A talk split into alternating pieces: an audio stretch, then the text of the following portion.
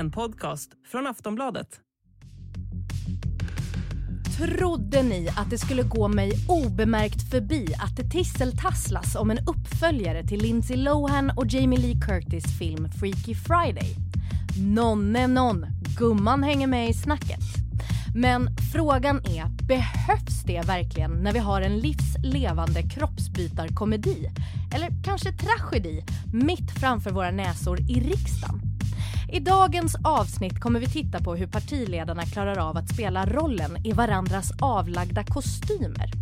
Det här är Aftonbladets politikpodd, en runda till med Lena Melin, My Råvedder och mig, Soraya Hashim.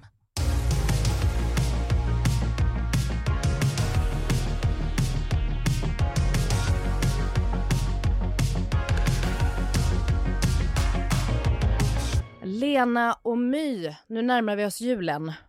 Mm, mysigt. Vad är den liksom mest påtagliga känslan inför julen för er? Är det mysigt för dig, My? Eh, just nu är jag lite trött. Ja. Men jag ser verkligen fram emot julen. Det ska bli mysigt. Vad säger du, Lena? Är du en julis? Jag är egentligen en jättejulis. Och det, ro, det härligaste jag vet är att på juldagens morgon eh, värma glögg, ta en skinkmacka och sen gå och lägga mig igen. Åh, så gosigt! Mm. Gud så gosigt. Jag känner mig redan utbränd men det... Men det av julen? av julen innan den ens har hänt. Jag har För... redan varit klar med alla julklappar i november ja. så att jag är... Förvånar ingen My Råvedder. Helgens stora grej i svensk politik var ju såklart att Agenda hade en partiledardebatt, den första efter regeringsbytet. Vad var er övergripande känsla efter att ha sett den här debatten? Alltså vet de inte att valrörelsen är över? Det kändes inte så för att den här sittande regeringens svar på nästan alla frågor var ju att vi vann, ni är sura för att, för att vi vann. Mm, det var verkligen dagisnivå. Ja, det är väl lite så här att vad som man hoppas få höra nu är ju politiken. Eh, vad vill man göra? Alltså det saknas ju inte utmaningar att ta tag i politiskt. Jag tyckte att de hade väldigt bra ämnen i den här debatten, eh, där man hade kunnat fylla det med politik, men där de liksom bara tjafsade om hur gör vi och vad har vi för relation till varandra och vem vann och vem förlorade? Mm. Istället för att liksom svara på frågor med sin politik. Jag, jag tyckte att det var en väldigt tydlig manifestation av hur ombytta rollerna verkligen har blivit nu mellan de två sidorna i politiken. Om inte annat så var ju Magdalena Andersson väldigt noggrann med att påpeka detta. Allvarligt talat, Ulf Kristersson. Valrörelsen är över. Du är statsminister nu. Och att sitta och klaga på eh, förra regeringens politik, det kommer inte lösa svenska folkets problem. Så, idag ska vi gå igenom partiledarna för att se vilka roller de har haft, vilka de har nu och dra lite i den nya kostymen för att se hur passformen är. Vi kan väl börja med högersidan och en riktig debattfavorit, Ebba Busch. Tidigare framåtlutad, drivig retoriker, inte rädd för rekvisita, kan alltid hitta en anledning till att saker är andra sidans fel, använder ofta vanligt folk hon har träffat som exempel, typ “Jag träffade Berit, 92, som har ett problem som visar på att förra regeringen är dåliga”. Hur sitter den nya kostymen som energiminister och vice statsminister egentligen? Alltså, jag tycker att hon ägnar sig åt att försöka förklara, eller bortförklara snarare, ett vallöftesbrott istället för att säga som det är. Mm. Och hon har ju sagt det lite grann någon gång, men det, faktum är att vad den här nuvarande, de partierna som eh, ingår eller står bakom den här regeringen, de lovade ett högkostnadsskydd för elen och det skulle vara på plats den 1 november och pengarna skulle betalas ut före jul. Det är idag eh, inte många dagar kvar till jul. Pengarna är inte i sikte. Det är inget högkostnadsskydd som längre diskuteras och det får man nästan vara glad för, för det hade ju kostat typ 30-40 miljarder i, i månaden.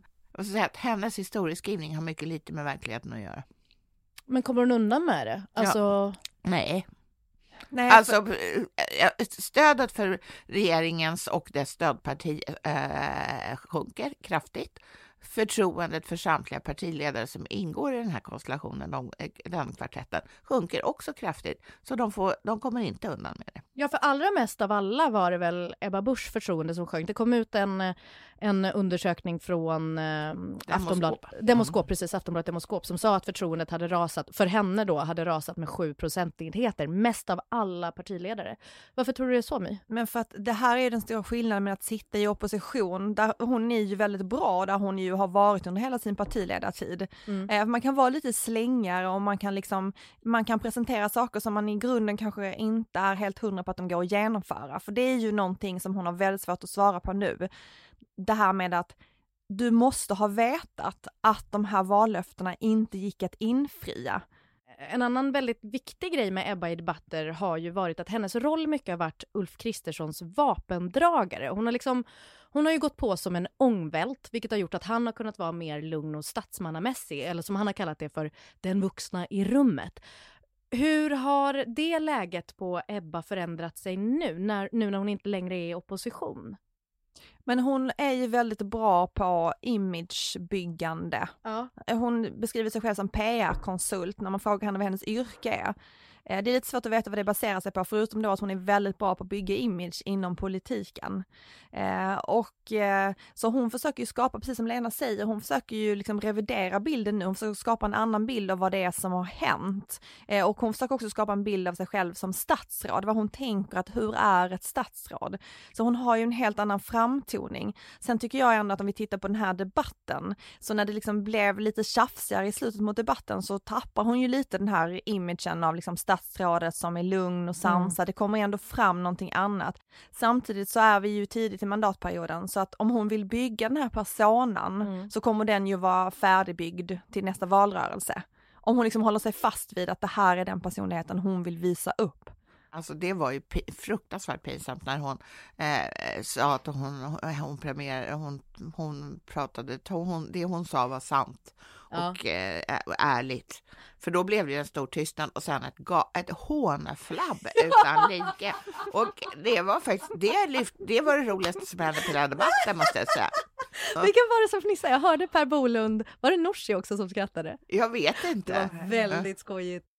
Det var ju det här med att säga sånt som är sant igen som är så viktigt i alla fall för mig. Eh, Också det här med att så här, man får inte ljuga på tredje advent. Jag visste inte detta. Jag visste inte detta. Vad får man inte göra Vad på är- fjärde är det- advent?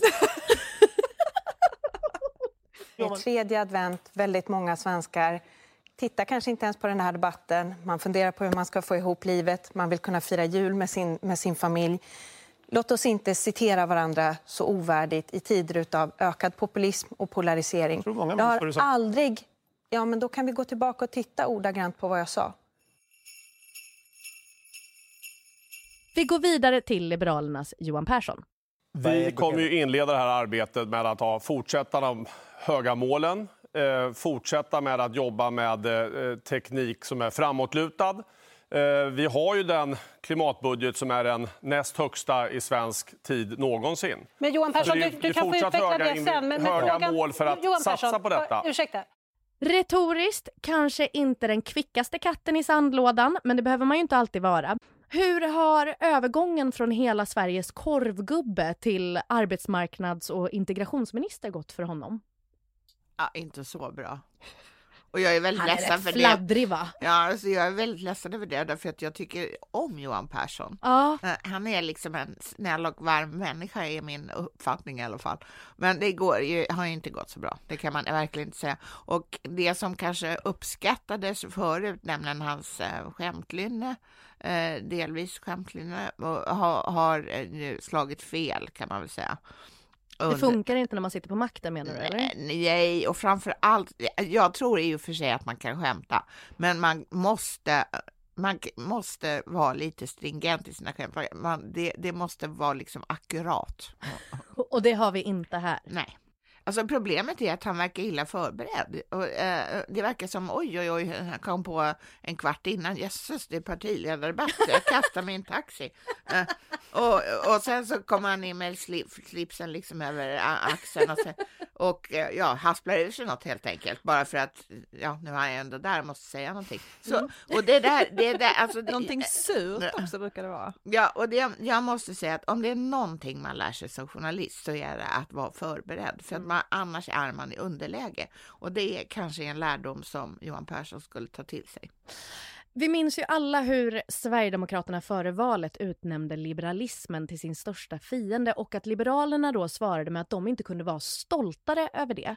Nu har Johan Persson på sig en möjligen inte så bekväm uniform där han ska stå bakom en migrationspolitik som alla verkar vara överens om är Sverigedemokraternas. Hur sitter de nya kläderna på Johan Persson? Hur klarar han det? Ja, de sitter inte så bra. Men samtidigt måste jag säga att det är ju inte så att han försöker dölja att de har lagt all sin politik i malpåse för makten. Nej. Utan... Och det är väl en fördel då? Ja, men det är ju ändå ett plus. Att om man gör en sån här kraftig uppoffring av sitt liksom partis, en av liksom partiets kärnvärden, då får man ju stå för det. Alltså problemet för Johan Persson där är ju oberäkneligheten. Hur länge kan han stå för det? Herr statsminister Ulf Kristersson då? Vi fick mandat av de svenska väljarna att lägga om den svenska energipolitiken, för ni förlorade valet. Vi fick det mandatet och det pågår nu. Som sagt, han har ju jobbat ihärdigt med sin image som den vuxna i rummet och särskilt i debatterna inför valet. Då lät han ju de andra fightas högljutt och vevigt och sen kunde han komma in i lugn och ro och säga saker som lät förstående men ansvarstagande. Och nu är ju han den vuxnaste av alla i rummet, statsminister och allt. Hur passar den här kostymen Ulf Hjalmar Ed Kristersson? Jag visste inte ens att han hette Hjalmar, vad kul. Jag tog reda på det. Ja. Eh, nej, men jag tycker Hjalmar, eh, han ska, måste sluta med det här och säga att eh, när vi vann valet, eftersom han inte gjorde det.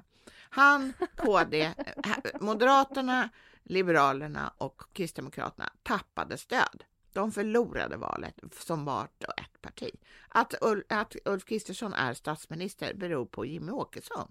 För att Jimmy Åkesson har bestämt sig för att det tycker han verkar fint, för då kan han få igenom Sverigedemokraternas politik. Det som jag tyckte var så fascinerande i den här debatten i söndags, det var att Ulf Kristersson inte svarade på en enda fråga med svar om sin egen politik. Mm.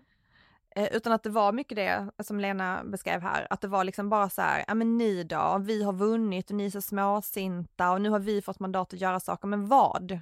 Mm. Eh, och det, vad jag inte förstår, det är ju att det finns ju en massa politik Eh, Tidöavtalet är ju fullt av politik, en budget är full av politik.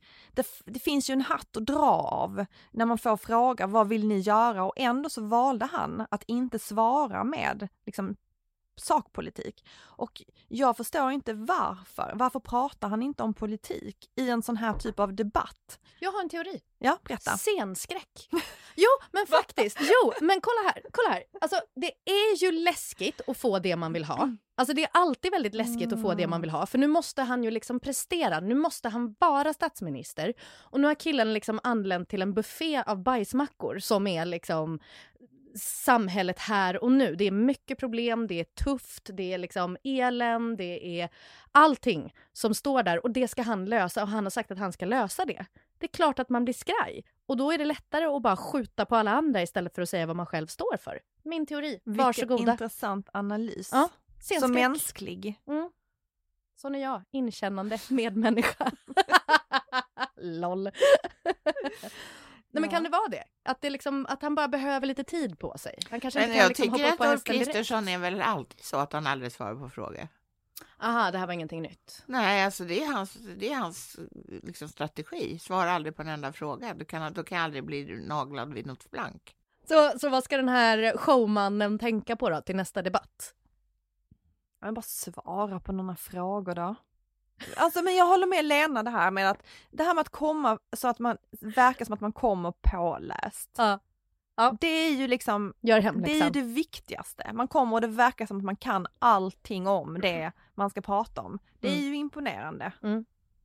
Och så inte hålla på och säga att jag, vi vann valet eftersom ja, det är uppenbart, annars skulle du inte kalla sig för statsminister. det är inte uppenbart att du vann, men det är uppenbart att du är statsminister. Ja, det är uppenbart att du är statsminister. Och sen så inte hålla på och säga så här när jag var i Europeiska rådet och när jag pratade oh. med Macron eller någonting. Fråga bara ja, Macron, han ja. sa till mig ja. att. Så, ja. Jag, utan skit i epauletterna, jobba. Ja. Liksom kavla upp ärmarna, gör något.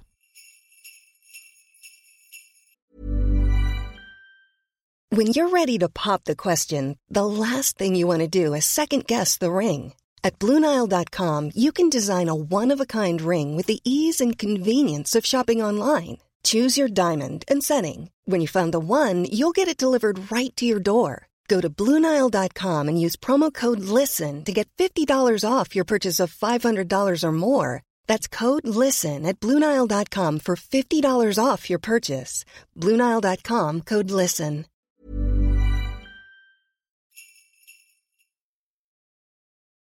Vi går vidare till Jimmy Åkesson. Å ena sidan så säger man att ja, men vi ser problemen i samhället. Vi förstår att det här har blivit stora problem och vi tänker göra någonting åt det. Det verkliga skiftet skedde när Socialdemokraterna och Miljöpartiet av alla partier stramade åt invandringen. Sen säger man ändå att man inte är beredd att göra det som krävs i nästa andetag. Och det är ju inte trovärdigt, utan det är ju rent hyckleri. Ni är helt enkelt inte beredda att göra det som krävs för att få ordning på Sverige. Och det var ju också därför som väljarna valde den här sidan i valet istället för den här sidan. En vanlig sak som har sagts om hans nya roll efter valet är ju det här med att han står för mycket av politiken som regeringspartierna ska driva men att han själv inte kommer behöva ta ansvar för den eftersom han inte är med i regeringen. En så kallad guldsits. Så vad har ni för känsla av honom i den nya rollen? Hur har han anpassat sig? Inte jättebra för att han är ju fortfarande så att han, man känner att han gärna vill gå på. Sen så, men han är ju en otroligt duktig debattör så han inser ju att jag kan ju inte, jag kan inte bara puckla på Ulf här mitt i alltihopa, tänker ju han. Mm. Uh, och så uh, är han ändå liksom lite på offensiven fast inte lika mycket som förr man behöver inte ta så mycket plats. Han har ju liksom ett finger i alla syltburkar nu och det kommer komma till honom. Han behöver inte jaga någonting. De har ju gjort liksom ett otroligt, eh, det här avtalet är ju otroligt på ett sätt att liksom den här regeringen har bundit upp sig att gå till Sverigedemokraterna med all politik. Mm. De behöver bara sitta där och vänta. Men det, det säger ju någonting om en person att ha det otroliga tålamodet. Verkligen. Alltså jag kan inte se många varit... av de andra kunna sitta men, så still. Men, alltså jag måste säga att jag håller helt med det här. Eh, men Jimmie Åkesson är ju då till skillnad från eh, två andra eh, partiledare som jag pratat om här alldeles nyss. Han är ju påläst och långsiktig. Mm. Han har, han, siktet för honom ligger nu på 2026 när han anser att de ska ta plats i en regering om det är parlamentariskt möjligt. Och eh, så att han håller väl helt enkelt, jag uppfattar det som han håller på lite och liksom eh, ja, läser in sin nya roll helt enkelt. Han är som en skådis. Nu har, nu har han fått en ny manusbunt här. Innan vi går vidare till vänstersidan så ska vi såklart göra ett stopp i den breda mitten, nämligen hos Annie Lööf. Hon korades enligt Demoskop på uppdrag av Aftonbladet till söndagsdebattens vinnare på delad plats med Magdalena Andersson. Håller ni med och varför? Ja, jag håller helt med. Och jag tycker det var väldigt roligt att se. Annie Lööf, hon, hon räknade ner här mm. eh, alldeles tydligt och hon gick loss. Och hon gjorde det bra. Nu är det du, Ebba Busch, som har ansvar för det här. Leverera nu och skyll inte på någon annan. Vad var bra? Nej, men hon, eh, ja, men hon var ju spetsig. Hon, eh, hon eh, gav sig inte. Hon ställde till exempel Johan Persson vid skampålen tyckte hon själv. Och jag, jag, tyckte, nej, jag tyckte hon var jättebra. Och hon du, hade gjort läxan, det märktes. Absolut! Ja. Hon, hon kom i, men hon kommer aldrig oförberedd. Mm. Hon, är, hon är väldigt bra på det. Nej, men, så att, men det som man verkligen märkte att hon har ingenting att försvara längre utan nu, nu går hon mot andra februari när Centerns nya partiledare ska utses och fram till dess tänker hon freewheela. Mm. Ja, jag tyckte också, hon var också jätte jag tyckte hon var jättebra. Ja, det, det, roligaste var den här migrationsdebatten mot Johan Persson. Det blev ju väldigt tydligt där att Sveriges två liberala partier har tagit två väldigt olika, gjort två olika, väldigt olika val i, eh, i, liksom, i migrationspolitiken. Johan Persson, jag är liberal. Eh, när det är jag, jag med när jag för tio år sedan, om jag för tio år sedan skulle fått eh, påståendet att jag om tio år ska stå i en debatt där Folkpartiet eller Liberalerna skulle stå på samma sida som Sverigedemokraterna i migrationspolitik, medmänsklighet och solidaritet, då trodde inte jag att det skulle hända. Nu är vi där. Det är ju lättare för Annie Lööf att försvara den här positionen för Johan Persson eftersom det inte egentligen är hans politik. Men eh, det, jag tyckte ändå hon gjorde det hon gjorde det bra. Det där är också en fråga där hon verkligen bottnar. Där det finns liksom en glöd hos henne och eh, ett engagemang. Över till vänstersidan. Vi tar Magdalena Andersson. Hon korades, som jag sa, också till söndagens vinnare. Var det välförtjänt? Ja, hon var kul tyckte jag. Men hon, jag måste säga att jag tyckte att hon var i samma klass som Annie Lööf. Nej, Nej. Hon, ni har varit inne på det lite tidigare. Hon verkar eh, inte direkt hata oppositionsrollen. Ja men det är ju det. Det är ju mycket roligare när man inte behöver bry sig om verkligheten. Det är riv man behöver och det liksom är inte- nyp. Ja, men man, det är- behöver, man blir inte ansvarsutkrävd för politik som man inte genomför. Man kan ju liksom driva på hur hårt som helst för att det finns ju, ingen, alltså det, det finns ju ingenting att ansvarsutkräva sen egentligen. Jag tycker att det är ju bra att det finns en oppositionsledare som är lite spetsig. Det gör ju politiken roligare och det blir liksom ett jämnare spelfält. Så att det är ju glädjande på det sättet att hon liksom har tagit ett steg upp och eh, är lite mer, eh, lite hårdare, Mm. driver lite hårdare i debatterna. Och Ebba Busch, när du var runt och viftade med falukorven i valrörelsen.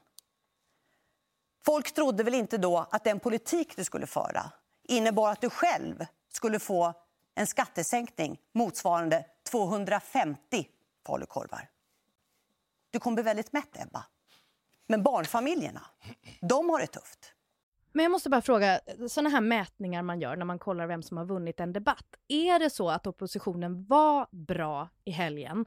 Eller är det så att oppositionen alltid får bra betyg av tittarna oavsett om den är blå eller röd? Oftast är det ju det. ja, Att, eh, men det är ju det här att ma- man gärna håller på en underdog liksom. ja. Det slår ju igenom. Och rollen är friare. Man kan göra som Magdalena Andersson då, hålla på och veva lite. Det är kul. Ja, men eh, före valet så var det ju ofta Ulf Kristersson som vann de här eh, mätningarna Mm. efter partiledardebatterna. Och, eller hamnade överst. Och det, där, han vävade ju inte särskilt mycket. Han tyckte inte något då heller. Miljöpartiet representerades av Per Bolund. På förhand hade han sagt till Aftonbladet att han hade en attackplan Åh, mot nej. Ebba Busch. Han sa så här, använder man den typen av retorik som hon angripit mig med bland annat så förtjänar man att få de orden tillbaka. Ebba Buschs prioriteringar kan vi däremot diskutera. Eh, mitt när man planerade den här nedskärningsbudgeten så åkte Ebba Busch ner och satte sig på ett slott utanför Paris för att sitta tillsammans med Timbro och eh, riskkapitalister som vill göra större vinster i välfärden. Eh, för att fundera på hur kan man ta ut ännu mera välfärdsvinster och ge till aktieägare. Det här- det här det är- där är ju en prioritering som jag tycker att Ebba Busch bör svara på. Varför är det lösningen framåt att ta ännu mer av välfärdens pengar och ge det till Det välfärdskapitalister? Är det en bra strategi? Nej. Nej, det är inte det när man är Per Bolund. Alltså han har ju styrkor i debatter också. Det är ju sakfrågor där han också är väldigt inläst och påläst Mm. inom liksom vissa områden. Eh, alltså debatt och attack, det är ju inte hans Det är inte synonymt med honom. Nej. Nej, och det blir ju väldigt, det blir ju bara svårt att titta på när det blir så obalans i Ebba Busch som gör det bra och Per Bolund som inte gör det så bra. Ja. Och hon har ju ett kort här som hon ofta drar. Eh, det var ännu tydligare när hon hade debatter med eh, Stefan Löfven och det är att hon drar att det är en man som attackerar henne på Ah. olika sätt. Att det finns liksom en maktbalans. Hon utgår från att det redan finns en maktobalans i att hon är en ung kvinna och att det är en äldre man. Och det tycker jag att det måste ju snart, de, de manliga äldre politikerna måste ju hitta ett sätt att hantera det på ett bättre sätt där det blir en bra debatt. Att För liksom vara förberedda på att hon kommer Ja, göra det. Precis, det, det är liksom de, de måste förbereda sig bättre på att det är sådär och då är ju liksom sakfrågedebatten eh, bättre att ge sig på henne än de här andra konstiga liksom, attackerna som han nu sysslade med.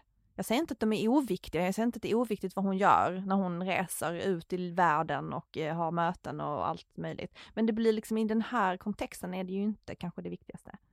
Alltså det borde ju vara eld i baken på Miljöpartiet nu. Ja. Alltså Sverigedemokraterna har ju i många år försökt starta liksom ett ku- kulturkrig om klimatfrågan. Eh, och nu är ju tiden inne för Miljöpartiet att ta den stafettpinnen. Mm. Det var tips. Varsågod. Kör! Sist men inte minst Nooshi Dadgostar. Vi har ju tidigare pratat om hennes oppositionssving som har visat sig kunna vara rätt rejäl. Men hur gick det för henne i söndags? Det finns inte ett enda vallöfte som de här fyra partierna håller till svenska folket. Så det är därför det blir väldigt lustigt när Ebba Busch säger att hon håller det hon lovar och talar sanning. Alltså alla svenskar har ju nu sett. Det här, det här är ett stort haveri, det som händer framför våra ögon. Jag tycker det gick bra. Mm. Jag brukar inte tycka att Nooshi Dadgostar är så bra i debatter, men till, till den här kom hon förberedd. och, det finns en röd tråd ja, här. Ja. och hon, hon körde sin linje liksom. Hon hade en röd tråd och den, den uh, körde hon på med och det tyckte det gav en stadga åt hennes uh, repliker. Mm. Eh, hon, hon, är ju inte rädd för att fortsätta prata på när någon programledare försöker stoppa henne. Eh, det är ju liksom, hon, hon fortsätter och liksom lägger sig gärna i när andra pratar. Vad, vad tycker ni om den stilen? Funkar den?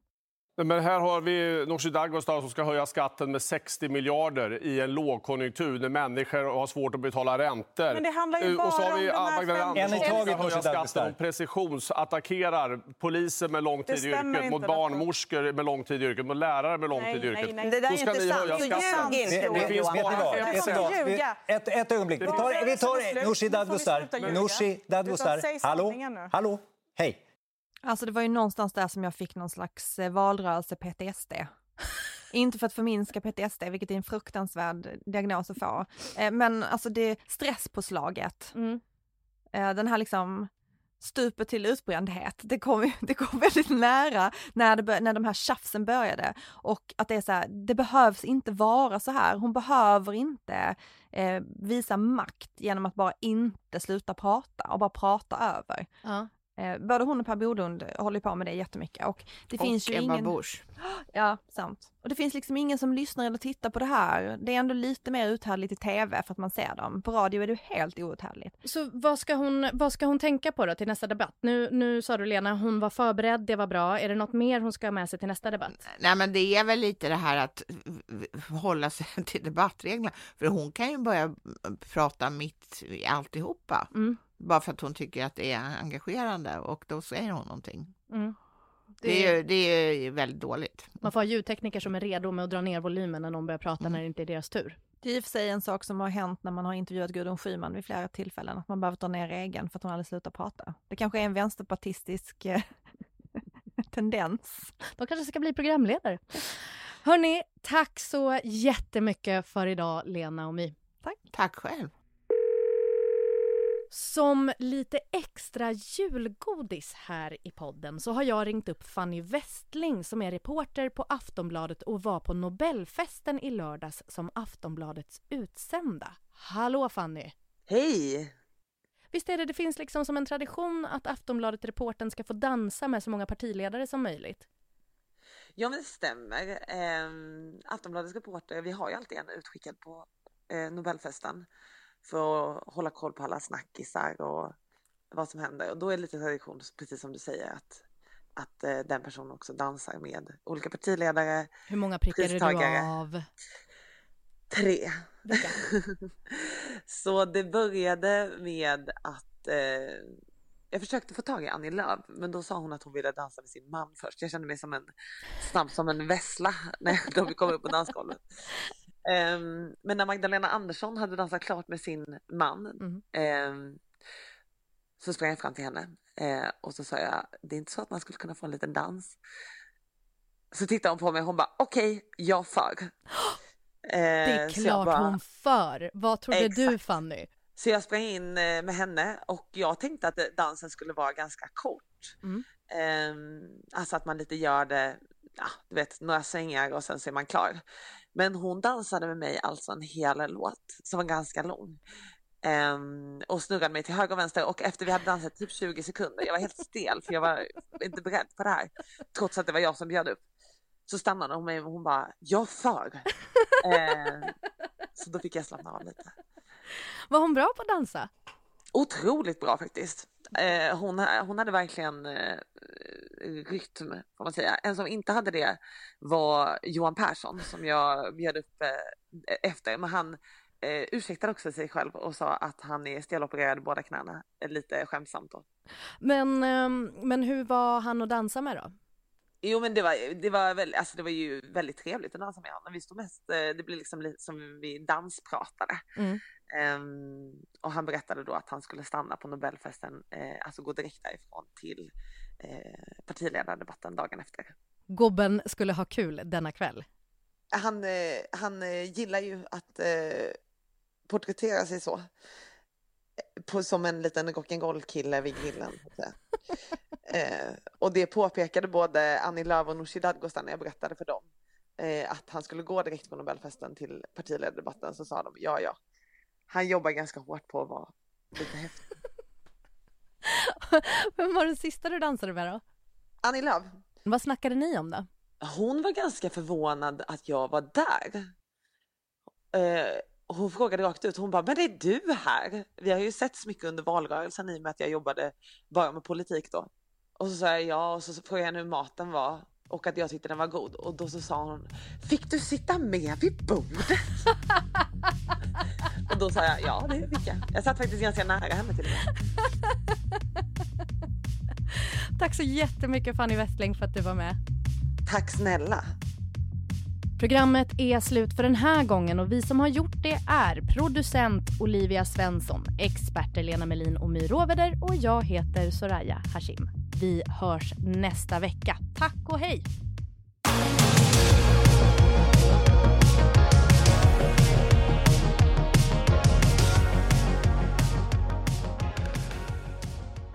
Du har lyssnat på en podcast från Aftonbladet. Ansvarig utgivare är Lena K Samuelsson.